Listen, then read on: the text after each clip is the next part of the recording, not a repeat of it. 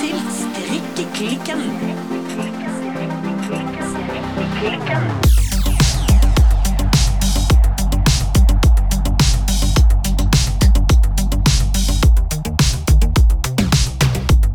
Hei, Birte. Hallo, Silje. Birte, Ja, hva strikker du i dag?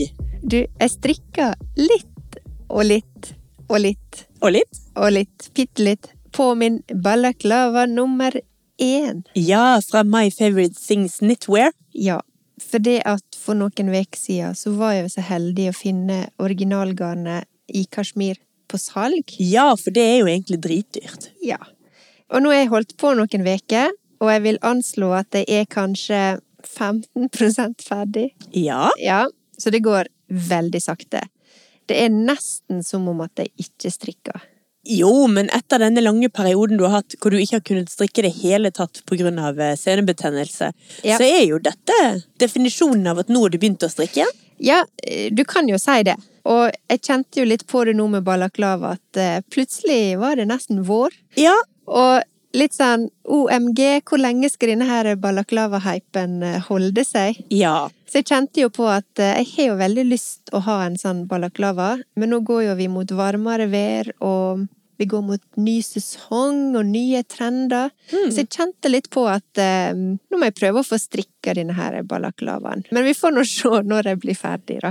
Ja, Det viktige nå er vel at du ikke går helt amok, selv om du har fått lov til å strikke litt nå. Så må ikke du fullstendig kaste deg utover det, sånn at du får en ny rampant Ja. eh, senebetennelse med Neida, en gang. Jeg har jo ikke fått lov til å strikke. Det Nei, er noe nettopp. jeg gir meg sjøl. Sånn, jeg tenker jeg strikker så lite at jeg må jo også på et eller annet tidspunkt kjenne om jeg tåler å strikke. Altså, jeg må jo bare teste det litt. Og det er det jeg gjør nå. Og da må jeg få si at jeg roter jo helt sjukt mye når jeg strikker. Og det er jo en grunn til at jeg definerer meg som en sånn her eh, strikkenovise eller nybegynner. For jeg gjør feil, jeg må rekke opp, jeg klarer ikke å telle til ti. Det er helt krise. eh, og jeg tror på denne her balaklava nå, så har jeg rakt opp og begynt på nytt fem ganger. Oi! Så jeg er skikkelig dårlig på å strikke, og jeg har nesten glemt det litt når jeg har hatt denne her eh, strikkeskadeavbrekket mitt. Ja. Altså, jeg kommer i mål til slutt, og resultatet ser alltid bra ut, det må jeg si. Jeg strikker ganske jevnt og fint. ja, du Men- strikker kjempefint. Søren hvor jeg styrer og roter på veien, altså. Det er helt krise.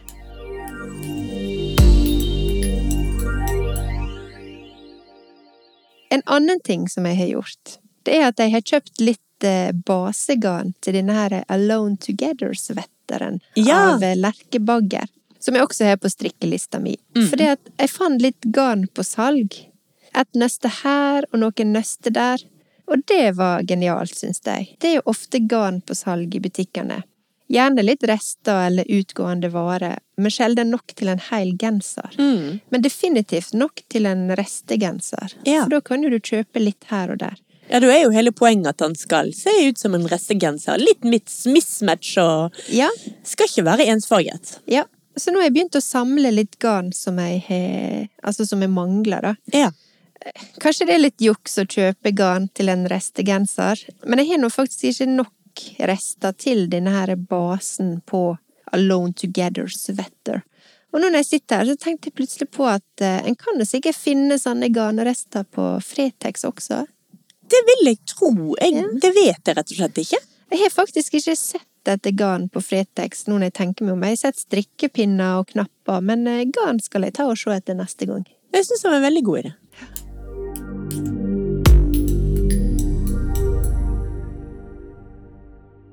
Og du da, Silje? Hva strikker du på i dag? Altså, nå, i- både i dag og i det siste, så, så har jeg strikket veldig mye. Ja. Fordi at uten å gå i sånn veldig mye detaljer, så har jeg eh, et familiemedlem som er innlagt på sykehus. Så jeg har egentlig bodd på sykehuset i flere uker. Altså, det, jeg må bare si at liksom, den sykdommen, det er helt ufarlig og udramatisk. Men jeg må også si at livet på institusjon, det er en utfordring.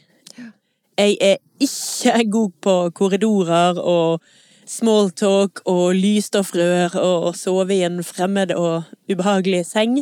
Men på den positive siden så får jeg altså strikket kjempemye. Så den siste uken så har jeg faktisk strikket enda en balaklava nummer én. Det er da min tredje balaklava nummer én. Ja. Jeg har strikket to halser Ja. i helt sånn egenkomponerte oppskrifter. Ja. Og jeg har altså virkelig funnet ut at jeg elsker å gå med hals. Ja. Og i tillegg så har jeg jo nå strikket ferdig min Ingen dikkedarer-genser. Men dette Ja. vet jo du, Ja. for vi var jo på kafé for noen dager siden når du fikk se den nye genseren min. Hei, Silje. Du for en utrolig fin genser du har på deg. Ja, takk. Det er, du ferdig allerede? Det gikk kjempefort. Genser å strikke. Du strikker jo som en blind. Så nå må du faktisk helt bestemme det neste prosjektet mitt. Ok, skal jeg bestemme det også? Ja, det skal du få. Men jeg har noen regler da. Ja. Denne gangen òg. Det er til dattera, og hun ønsker seg en vest. Men det finner vi ut av. Dette må du bestemme. Ja, men jeg klarer ikke å komme med det her på sparket. Åh, Men jeg husker ikke hva det het engang.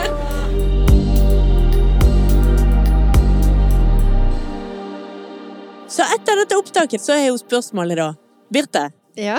har du fått tenkt nå? Har du fått tatt en avgjørelse på hva jeg skal strikke nå? Altså, det er jo helt fantastisk at jeg skal få lov å bestemme hva du skal strikke. Bare lurer på hvor lenge det skal vare. Um, men jeg tenkte litt på den her vest nummer én fra My Favorite Things Knitwear. Ja. Altså, den var jo mitt aller første strikkeprosjekt. Ja. Og nå når vi nærmer oss vår igjen, så er jo vest et supert prosjekt. Det er jo det. Det fins mange vester, men akkurat denne her vest nummer én, den vil jeg faktisk anbefale til deg. Supert. For den har et veldig allsidig uttrykk. Den er Ja. ganske basic og enkel. Den passer til det meste. Og så vil jeg alltid være litt nostalgisk til akkurat denne, siden det var mitt aller, aller første strikkeprosjekt. Det er det jo. Ja. Men hva garn tenker du da, Silja? Har du eh, Nei, altså, det er jo Det er jo datteren min som Ja. har ønsket seg en vest. Ja. Så det, For å si det sånn Jeg tenker ikke verdens dyreste garn. Jeg tenkte ikke hun skulle få 100 kasjmir, liksom. hun er ti år gammel. Ja. Så jeg har ikke tenkt så mye på garn, egentlig. Nei. Har du noen tips? Nei, altså, du har jo den eh, Nå er jo ikke det det billigste garnet heller. Du har jo den eh, Altså, originalgarnet, er ikke det den her eh, dobbel soft merino fra Knitting for Olive? Jo, det tror jeg Ja. er original på den. Jeg husker at når jeg strikka den her, eh, da fikk ikke jeg tak i dobbeltsoft merino, og jeg skjønte ikke helt at du måtte ha et spesielt garn Ja. heller når du strikka i oppskrift. Men jeg s- fikk da anbefalt eh, ER fra Drops, Ok. og det funka jo ganske greit, egentlig, og relativt rimelig. Jeg skal ta et lite dypdykk på internett i dag og se hvis jeg sjøl får lov å velge garnet. Ja. Eh, Ja, vær så snill. Men eh, drops er eh, går an å sjekke ut, og så er jo den deilig nå når jeg etter hvert Nå kjenner jo jeg til den her dobbel soft merino, den er jo veldig deilig fra Knitting for Olive. Men eh, jeg tenker eh, du kommer nok til å vil eh, strikke én til vest, kanskje til deg sjøl. Det er slett Da ikke kan du gå umulig. for dobbel soft merino. Nettopp! Det var en god idé.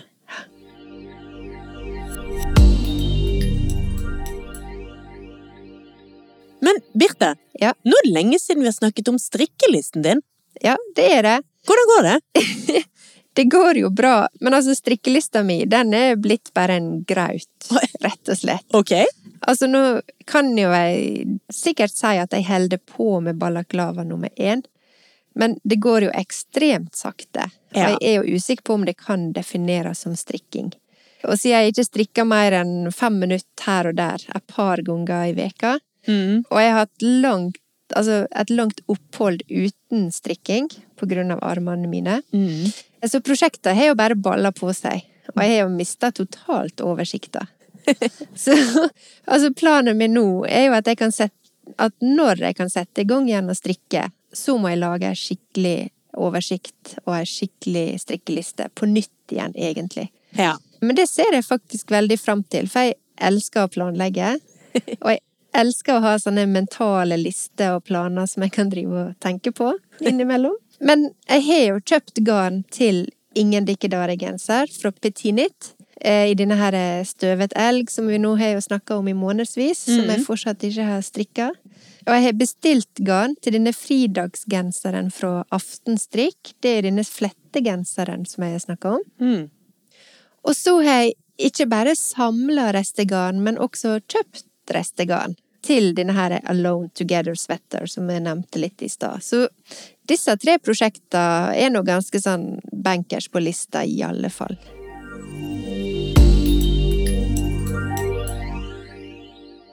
Men i dag, Silje, så skal jo vi snakke litt om strikking og feminisme. Ja! Fordi at eh, i dag er jo det 10. mars, det vil si at eh, kvinnedagen var for to dager siden. Jepp, det var på mandag.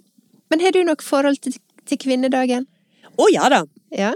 Altså, jeg er oppvokst med en mor som er radikalfeminist av den gamle sorten, fra den såkalte andre bølgen av feminister som kom på 70-tallet. Så hun har jo da gått i 8. mars-tog hele mitt liv. Ja. Da både på den faktiske kvinnedagen, og gjerne 364 andre dagene i året òg, har hun gått i tog. ja. Det støtter jeg. Ja, så jeg kan synge med på ganske mange av de gamle feministkampsangene og sånt. Det er Bare spør meg.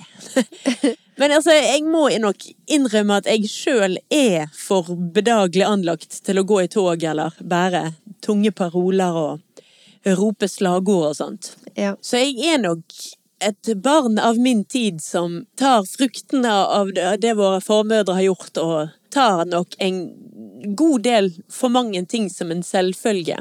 ja. Og er nok ikke i nærheten av flink nok til å beskytte alle de rettighetene kvinner i Norge har. Og som vi nå bare regner med at skal fortsette å være der. ja. Men Du, Birte?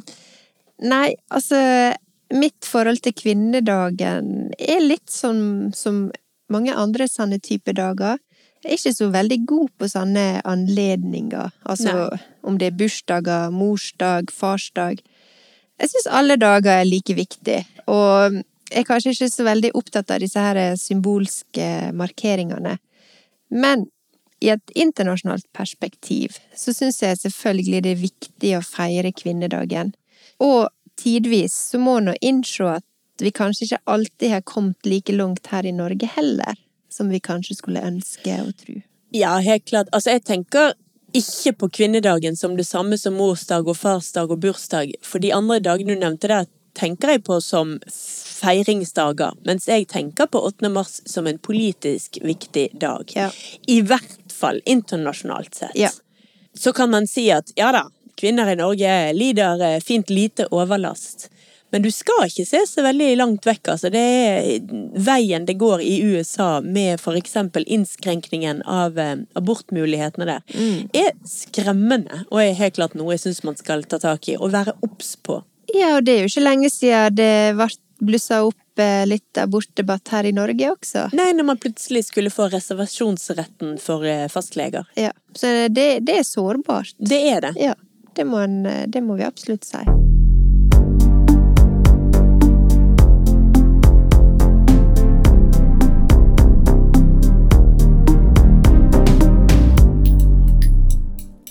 Men vi skal jo snakke i dag litt mer om forholdet mellom strikking og feminisme. Ja. For her er det jo helt klart mat for mons. ja. Altså, det var jo én ting som jeg tenkte på med en gang, da, og det var jo det her ordet rødstrømpe. Ja. Og jeg hadde håpet at det hadde noe med strikking å gjøre, Ja. men jeg er faktisk litt usikker. Å ja. Ja. For at det hadde passa så bra. Ja, det hadde det. Det hadde vært helt riktig hvis rødstrømpene faktisk hadde sine egne strikkete strømper. Men jeg har en følelse at du skal fortelle oss at nope. Nei, altså, rødstrømpe, eller det som da heter rødstrømpebevegelsen, det kommer jo fra det amerikanske ordet red stockings. Ja. Og det er et navn på, på en del av kvinnebevegelsen i den vestlige verden som oppstod rundt eh, 1970-tallet. Ja. Og det var kvinneaktivister i New York der fargen rødt og begrepet The Red Stockings ble lansert for å markere en ny giv og så gi en slags sånn her avstand til den tidligere betegnelsen blåstrømpe Å ja. som var noe på 1700- og 1800-tallet. Altså, det var brukt nedsettende om borgerlige, intellektuelle kvinnesakskvinner i eh, Storbritannia. Nettopp. Så kvinnesaker skulle liksom framstå i et nytt lys, og da switcha en da fra blå til rød. Ja. Og det skulle være ei eh, feministisk eh, retning som skulle være både radikalt nytenkende og venstre orientert. Eh, Og bevegelsen vil også ha større åpenhet rundt seksualitet, prevensjonsundervisning og krav om fri abort. Så jeg kunne ikke, kunne ikke finne noe sånn at en satt og strikka eh, røde strømper Nei. knytta til det begrepet. Nei, altså når du snakker om denne typen 70-tallsfeminister i USA, så må jeg få anbefale den TV-serien som ligger på HBO, som heter Mrs. America, Ja. med Kate Blanchett i hovedrollen, som tar for seg denne her eh, kampen om å få gjennom denne her eh, Equal Rights Amendment, E IA. ERA. Ja. ja. Grådig vanskelig å si det ordet Ja. der. E ERA. E-R-A. Ja. E Den syns jeg var ekstremt eh, med hun eh, Phyllis Schleffley, Ja. som, eh, som jo er en ekte person. Ja, jeg likte den serien veldig godt. Og det er utrolig fascinerende å se hvor noen kan kjempe imot, og noen kjemper for. Altså, hvor uenig kan en være om noe som for meg virker helt åpenbart? Ja, selvfølgelig. Altså, hvor gæren skal du være for å være imot at kvinner skal ha like rettigheter? Det, det sier seg jo sjøl. Ja. Men eh, jeg har lyst til å bare si litt sånn innledningsvis også om dette temaet, er at det nærmest sånn Selvfølgelig er det en link mellom feminisme og strikking. All den tid hva er det da? 48 av norske kvinner strikker ukentlig, og 0,3 eller noe av norske menn strikker Ja. ukentlig. Ja. Andelen der er jo voldsom. Det er det. Eh, og dit, disse tallene er nå begynt å bli et par år gamle. Det kan jo hende at eh, med den stigende populariteten at det kanskje kom til litt flere menn, men det er jo fortsatt stor overvekt av kvinner Mm. Det eller er det. jenter som strikker. Ja, nei da, det er jo eh, en eh, såkalt typisk kvinnesyssel, og er en av de få syslene som er såpass tydelig dominert av ett kjønn.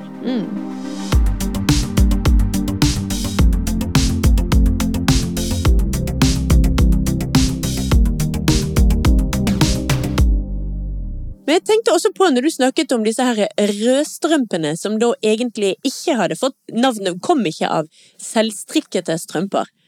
Men så har du en annen bevegelse som virkelig har et symbol som er selvstrikket. Og det er jo den, disse her folka som bruker den såkalte pussyhatten. Ja. Altså det er jo da en sånn rosa strikket lue som ble strikket i ekstreme antall i forbindelse med den eh, Women's March som var i det var vel 2017 i USA, hvor det var, var ikke det over én million kvinner som dro og marsjerte i Washington DC. Da, utrolig nok, var jo en av fanesakene deres igjen å få gjennom denne her eh, Equal Rights Amendment, som de fremdeles ikke har fått gjennomslag for. Ja. Det er helt galskap. ja. Det er en lue som jeg syns det er fint at finnes, og det er fint at man har en enkel lue man kan strikke for å uttrykke noe politisk. Ja. Den kom jo også på bakgrunn av både metoo og eh, disse her eh, grab them by their pussy-uttalelsene til eh, den, tidligere, Former, den ja. tidligere presidenten, vil- Ja. hvis navn ikke skal nevnes. ja let's forget Voldemort. about him.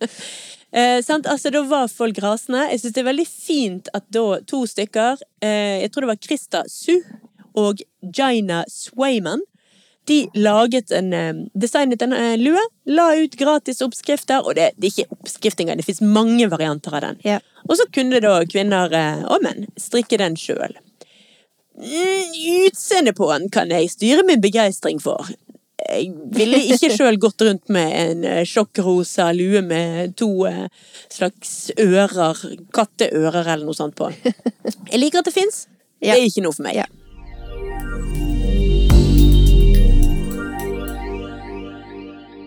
Enn du, Birte. Er rosa lue med to ører på noe for deg? Nei. Nytter ikke å riste på hodet på radio. Birte. Nei, men, men eh, et, altså, vi snakker om strikking og, og feminisme i dag, og da, det var jo et annet begrep som kom på 70-tallet, som heter hønsestrikk. Mm. Ja. Og det ordet, det kom fra forfatteren eh, Kirsten Hofstetter. Og denne her hønsestrikken, det var jo et uttrykk for en irritasjon på at en ikke kunne kjøpe oppskrift uten garn. Ja. At det hang sammen. Alt var liksom ferdig satt, og det var lite rom for kreativitet og individualitet. ja. Sier dette her, så er jo hønsestrikk da blitt eh, ensbetydende med fargerik strikk. Mm. Gjerne i naturmateriale. Gjerne i røs- restegarn. Og i mønster og farger, som, der poenget var at det ikke skulle passe sammen. Det skulle være litt sånn gi faen-holdning. Mm.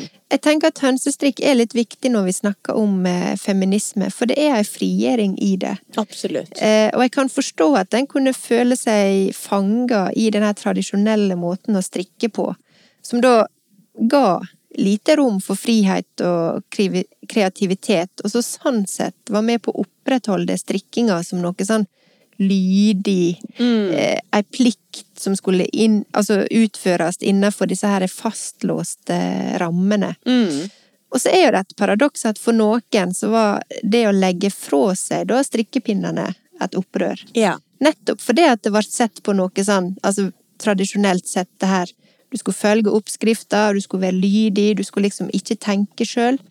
Eh, mens for andre så ble det et opprør å ta opp pinnene. Ja. Eh, men da gjerne på en ny og opprørsk måte. For hønsestrikk, det var et opprør mot den her tradisjonelle måten å strikke på. Ja. Litt sånn her eh, strikk like no one is watching, eller noe sånt.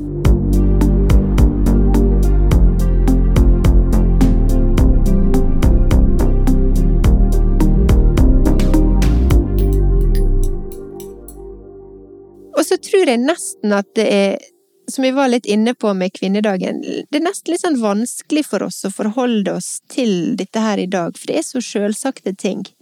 Det er som stemmerett, ja. Gå i bukse, ja. Kvinnelig statsminister, yes. Strikke det du vil, selvfølgelig. Mm. Men så må vi også huske at eh, dette er jo selvfølgelig ting i et relativt likestilt eh, Norge. Mm. Men det er interessant at strikkinga har et stigma som mest sannsynlig kommer fra at det historisk sett er en kvinneaktivitet, Mm. og som på ulike nivå fortsatt ikke er anerkjent, verken kulturhistorisk eller egentlig som en hobby eller fritidsaktivitet. Det er jo fortsatt en liksom kvinnesyssel, med hva nå enn en legger i det. Nei, altså tradisjonelt, dette har jo jeg sagt før, men tradisjonelt så har jo håndverk hatt mye høyere status enn håndarbeid. Sant? Fordi håndverk var det menn drev med, og håndarbeid var det kvinner drev med. Ola Ola i eh, Øvregarden drev med spikking og eh, kunne skjære ut ting. Det sto det stor respekt av. Mens eh, stakkars Kari-Kari strikket, vevde og heklet og broderte, og det har ikke hatt den samme kulturhistoriske statusen.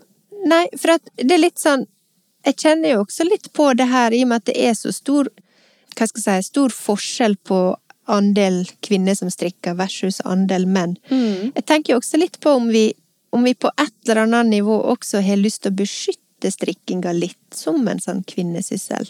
Vil vi at menn skal blande seg? Jeg tenker litt sånn Litt sånn som når det blir snakk om fedrepermisjon, og litt som vi snakker om med Mrs. America. eh, at åpenbart så er det også krefter som slår inn som Altså, vi er ikke alltid enige om disse tinga her. For når vi snakker om fedrepermisjon, så blir noen av oss veldig beskyttende. Sjøl om vi egentlig ønsker at far skal være mer involvert også på baby- eller barselstadiet, og ikke bare når barna er blitt litt eldre. Men det som er litt interessant også her, er jo at sånn typiske manneaktiviteter, sånn type fotball, fisking, jakt De er ikke typiske manneaktiviteter lenger i det hele tatt. Nei, men det er jo fortsatt kanskje en overvekt, tror jeg. På fotball? Er det kanskje det? Jo, og statusen til damefotball versus herrefotball Vet ikke. Kanskje Hvor i diskus- Ytre Sandviken Ja. er, altså. Vi har jo Norges beste kvinnelige Ja. fotballag. Det- Så her ja. står jo jentefotballen kjempesterkt. Ja. Altså, det fins det, det, finnes det hederlige unntak. Ja. Eh, nå snakker jeg litt sånn tradisjonelt sett. Eh, men altså, disse tinga, da, sier fotball, fisking og jakt, eh, det er jo ting som skjer utafor heimen. Mm. Men strikking er jo en sånn heimesyssel, som også i stor grad kan kombineres med tradisjonelt typiske kvinneoppgaver, sånn som husarbeid og barnepass og, og matlaging. Mm. Sette på potetene og strikke en pinne eller to. mens du passer barn, det går fint. Ja. Gå på jakt og ligge i skogen i regnet og vente på en hjort mens du koker poteter og passer barn? Nei, ikke like lett. Nei, altså disse her eh, hva skal jeg si, mannefritidsaktivitetene handler jo Kan jo virke som det handler mye om å komme seg vekk fra heimen. komme seg ut, liksom.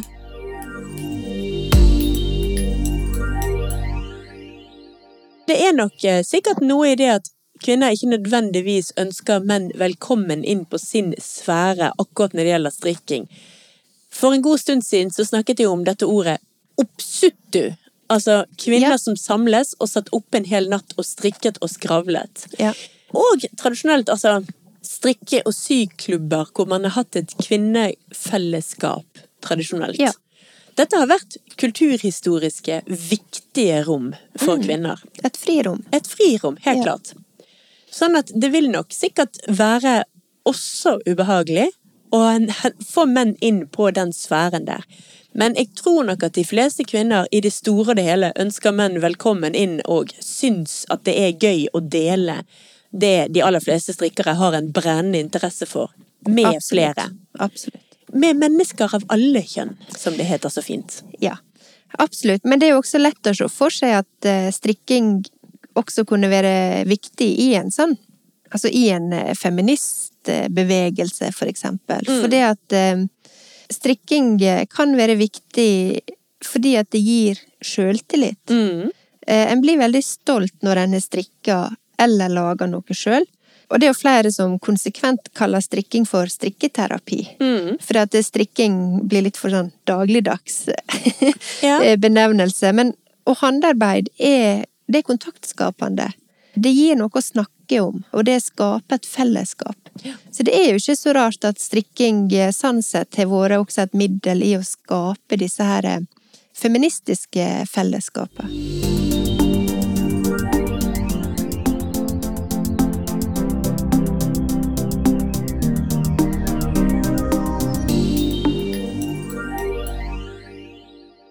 En annen ting strikking har skapt, er jo også karrierer. Ja. Unn Søland Dale, som jeg har nevnt mange ganger, og som jeg kommer til å fortsette å nevne mange ganger, er jo kjent som Norges første businesswoman, forretningskvinne. Ja. Og hun ble kjent for det på grunn av strikkeoppskrifter og et slags strikkeimperie, hvis Ja. man drar det hele veldig, veldig stort. Ja.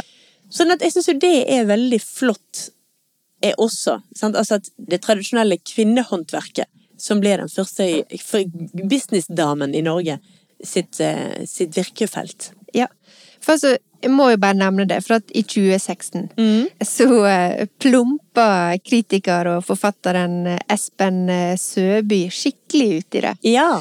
Han hadde et, en anmeldelse i Morgenbladet. Jaha. Dette var i 2016. Da var strikkeinteresser på kraftig framgang. Ja. Og med det så kom det et knippe strikkebokutgivelser Ja. i kjølvannet av denne her Det eh, kom masse på den tiden der. populariteten. Ja. eh, Og dette syns ikke han her, herr Søby noe særlig om. Nei, nettopp. Og dersom vi ikke skal legge godviljen til, eh, og det gjør ikke vi her og nå, Nei. så kunne en tolke det som om han mente at denne her økende strikkeinteressen var liksom det samme som at nå skulle kvinnene returnere til eh, kjøkkenbenken.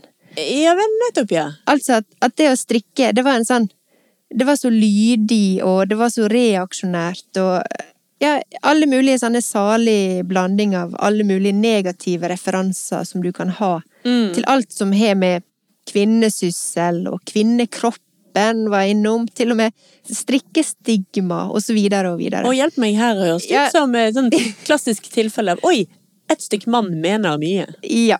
Om kvinner. Om kvinner, selvfølgelig. Ja. Og dette ble jo selvfølgelig eh, rabalder, men eh, nå, nok en del år seinere, så får du meg til å tenke Hvorfor må, en liksom, hvorfor må strikkinga forsvares? Hvorfor er ikke det greit at en strikker? Altså, eller hvorfor ligger det tradisjonelt så mye stigma i strikkinga? Ja, det er veldig rart. Det der at dette skal ha så Det skal føre til så mye annet. Du skal liksom si så mye om deg om du strikker. Mm. Det er merkelig. Altså teknisk sett, det der at det er en Mm. meditativ og repetativ Altså en kreativ outlet. Jeg pleier jo å si at liksom Det er rart at ikke menn driver med det. I hvert fall alle mennene som liker å binde fluer. Mm. Altså, Der bruker du jo til og med de samme verktøyene som under hekling og sånt. Det Og er du må ek- følge oppskrifta og du må- supernøye. Ja, men så er det samtidig også flott hvis du ikke følger den, og faktisk lager din Altså, de beste fluebinderne finner jo opp nye løsninger. De Ja. bruker annerledes fjærer og annerledes knuter og en litt annen farge på tråden. På samme måte som de beste strikkerne selvfølgelig gjør sine egne vrier på det meste. Ja. De dårligste strikkerne gjør også det for øvrig, fordi at du- uansett hvor mye du følger oppskriften, så blir det likevel litt ditt. Ja. Du klarer ikke å strikke to helt identiske grenser, i hvert fall ikke jeg. Nei, ikke jeg heller. Nei. Men altså, i dag så vil jo jeg påstå at strikking har fått en auka status. Ja. Og strikking i dag er jo verken et opprør eller provoserende. Men det er fortsatt en slags jente- eller kvinnehobby. Men det er også blitt noe mer. For det er blitt business. Ja. Og det var det du var inne på i stad. Altså, i dag, vi ser jo den her voldsomme gründer- gründervirksomheten som nå skjer. Og du har forretningskvinner som Petinit, My Favorite Things Knitwear, Vitre Design, Mm. Dorte Skappel. Ja, ja, ja. Mm. Eh, og du har flere som kommer til i et stort tempo. For nå er strikkinga blitt industri. Ja. Og det er veldig, jeg syns det er veldig gøy og inspirerende å se at det, det er mulig å skape seg både en business og en karriere med strikkepinnene. Mm. Og akkurat det som skjer nå, det tror jeg kan bidra til å løfte statusen til strikkinga.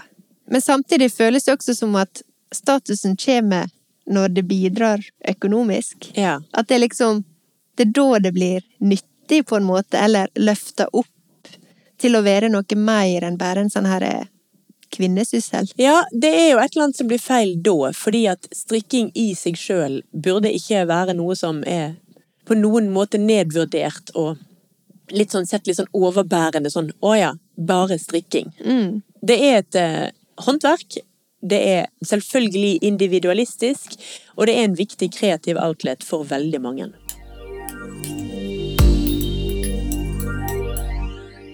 Altså de 70-tallsfeministene, den såkalt second wave feminism som vi snakket litt om tidligere. I begynnelsen der var strikking litt sånn uglesett, sånn nei, nei, skal ikke drive med det. Og så hentet de opp igjen håndarbeid, veving Ja. og sying, og etter hvert også strikking. Sånn at det har jo kommet inn igjen, og så vidt meg bekjent aldri liksom da forsvunnet ut igjen som en reaksjonær ting innad i kvinnebevegelsen. Men kvinnebevegelsen har jo også brukt mye strikkepinner som symbol. Ja. Men da som veldig negativt sy symbol. Ja. Strikkepinner, altså, og slagordet 'aldri tilbake til strikkepinnene', handler jo ikke om strikking i det hele tatt. Det handler jo om eh, før man fikk legalisert abort. Så ble jo fryktelig mange illegale aborter utført med strikkepinner. Ja. Og det er jo en veldig lei forhistorie som eh, man absolutt ikke ønsker seg tilbake igjen til. Nei. Strikkepinner duger helt klart best til å strikkes med.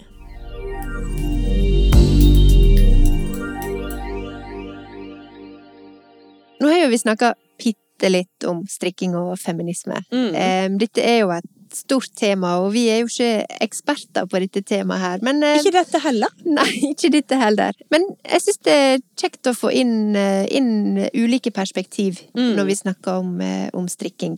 Og for eksempel strikking og menn, det skal vi snakke mer om. Ja. Det er et stort tema som jeg føler vi må dykke dypere i. Helt klart. Eller strikking og mangel på menn. Ja, for Ja. eksempel. Nei, det må vi. Det skal vi helt klart ta for oss en annen gang. Nå var det jo mer et overfladisk blikk på eh, strikking og feminisme og statusen, eller den manglende statusen strikkingen har hatt. Fordi det er en kvinnesyssel. Ja. Men så vil, vil jeg si, som vi var inne på, at eh, jeg syns absolutt at statusen til strikkinga har auka. Det er jo bare å se på altså det vi kan kalle instastrikk, for eksempel. Ja. Hvor utrolig mye bra som, eh, som finnes der. Men du ser også fellesskapet. Ja. Hvor en støtter hverandre, hvor en eh, knytter nye kontakter, nettverk, kjennskap. Så det syns jo jeg er, er veldig kjekt å se. Og Om det er på en litt annen måte enn kanskje på 70-tallet, så ser jo en absolutt det her eh, fellesskapet som, som strikking lager.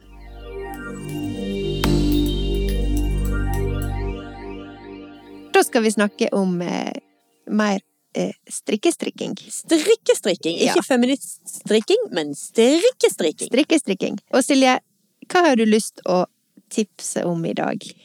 I dag har jeg lyst til å tipse om hals. Altså halser. Ja, Du vet disse her eh, strikkehalser. Strikkehalser. Ja. Disse her plaggene som barnehagebarn bruker. Så du drar Ja. over hodet ditt, så har de en hals med et lite stykke foran og et lite stykke bak, og en hals som står opp. Og varmer. Jeg har på meg en As We Speak, og jeg har strikket en til. Ja. Og det er så deilig plagg å gå med. Alle de store strikkeoppskriftleverandørene har jo sånne halser i katalogen sin. ja. Enten det er forseggjorte og vridde og duttelidutter, men altså du finner de på Sandnes og Rauma og eh, altså enhver form for strikkeoppskriftlager med respekt for seg sjøl har eh, minst en hals i katalogen. Ja. Og de store har ti. ja. Personlig har jeg valgt å bare dikte mine egne halsoppskrifter. Å, wow! Oh, wow! Ja. De er veldig enkle. Men du er jo en radikal eh, feministstrikker. Det er det jeg Ja. er! Ingen oppskrift for me. No, no, no! Nei, altså den jeg har på med nå, den er strikket i eh, pelsull fra Oslo Mikrospinneri. Den Ja. eh, har jeg eh, da eh, strikket på pinne to og en halv. Jeg ville ha en ikke chunky hals. Ja. Jeg er veldig, jeg begynner faktisk å bli litt lei av chunky plagg. Jeg finner meg sjøl oftere og oftere å leite etter oppskrifter på tynne, litt sånn finslepne genser. Ja. Something has happened. Ja. Og så, etter denne her eh, balaklava-crazen vevet inni lenge, så har Ja. jeg blitt veldig vant til å ha noe rundt halsen. ja, sant. Og nå når vi nå endelig begynner å bli litt grann futt i gradestokken, og våren faktisk er på vei, så er det veldig deilig å gå med hals. Ja. En tynn, vanlig genser, men en tjukk, deilig hals er utrolig f- deilig kombinasjon å gå med. Mm. Den eh, jeg har på meg nå, da, den har jeg strikket i fargen kamel. Ja. Jeg liker den veldig godt, men den store ulempen der var at dette er jo håndfarget garn fra Oslo Mikrospinneri. Det garnet her farget så mye av når jeg strikket, at jeg gikk rundt med sånn skikkelig nikotinflekkete hender i mange dager.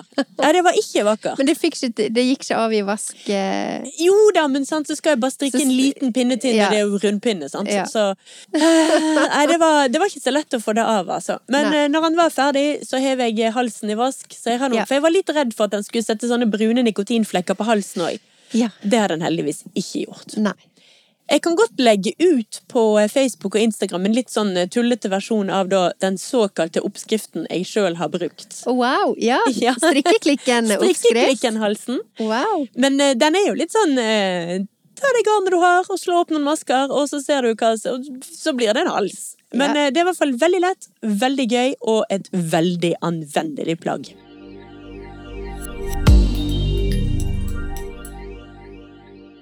Enn du, Birte? Hva vil du tipse alle våre lyttere om i dag? Nei, så eh, mitt tips eh, i dag er faktisk først og fremst eh, skreddersydd til deg, Silje. Oi! Ja. Altså, nå er jeg blitt så vant til at eh, du strikker, og jeg sitter bare og befaler og tenker og anbefaler til deg. så nå når jeg skulle tipse, så, så var jeg liksom bare i den, eh, i den greia. Du var i dronningmodus. ja, jeg var det. Jeg klarte ikke å tenke på noen annen måte. Det er rett og slett ei strikka bukse. Oh, wow! Ja. Altså, jeg er litt ambivalent til dette plagget. Ja. Eh, både fordi at eh, jeg syns det er et litt vanskelig plagg, og et litt ubrukelig plagg på Ok. en måte.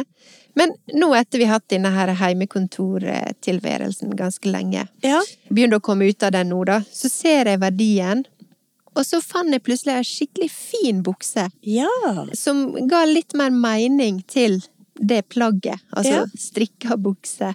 Og jeg tenkte at dette tror jeg er noe som du hadde likt å strikke. Ja. Eh, For ei bukse, det må jo være et skikkelig sånn meditativt prosjekt.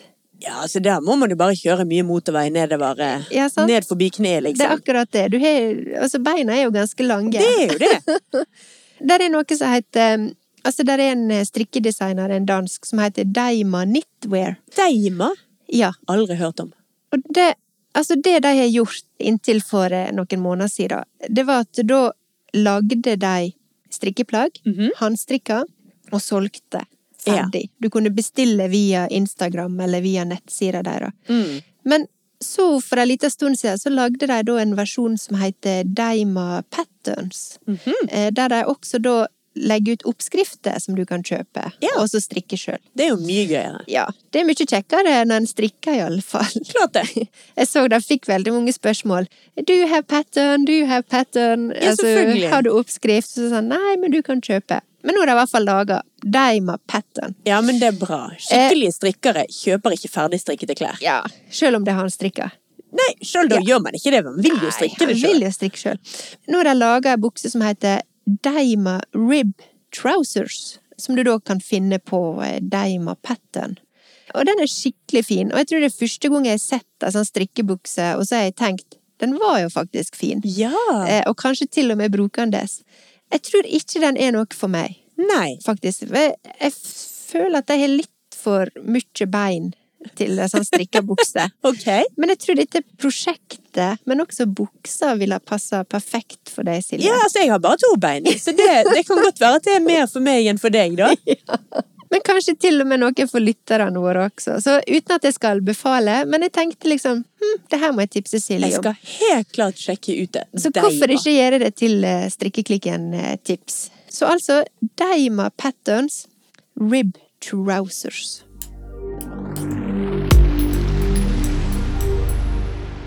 Katti Anker Møller viet seg til arbeiderkvinnen og den ugifte mor. jeg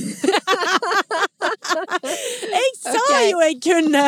Nå skjer det ting Ja, her. nå altså. skjer det ting. Jeg sa jo jeg kunne de gamle kvinnesakssangene fra 70-tallet. Altså, skal denne her strikkehytta bli litt sånn eh, kvinn, kvinnestrikkehytte nå? Jepp, nå blir det parole, paroleverkstedet, ikke strikkehytten lenger. Ja. Nei da, skal ikke det. Men eh, det er helt klart eh, viktig å også liksom holde dette her med strikking og kjønn. Det er sånn en grunnleggende greiene i det, fordi det er så eh, overvekt av ett kjønn som strikker. ja. Så da kan vi jo bare si gratulerer med dagen til alle kvinner, og til alle feminister av alle kjønn. Ja, den var fin, Silje. Ja, litt forsinket, men dog, men dog. Ja, men da sier jeg gratulerer tilbake igjen både til deg og til alle andre som har lyst på en gratulasjon i forbindelse med kvinnedagen. Ja, vi snakkes om en uke. Det gjør vi, Silje. Ha det på badet! Ha det.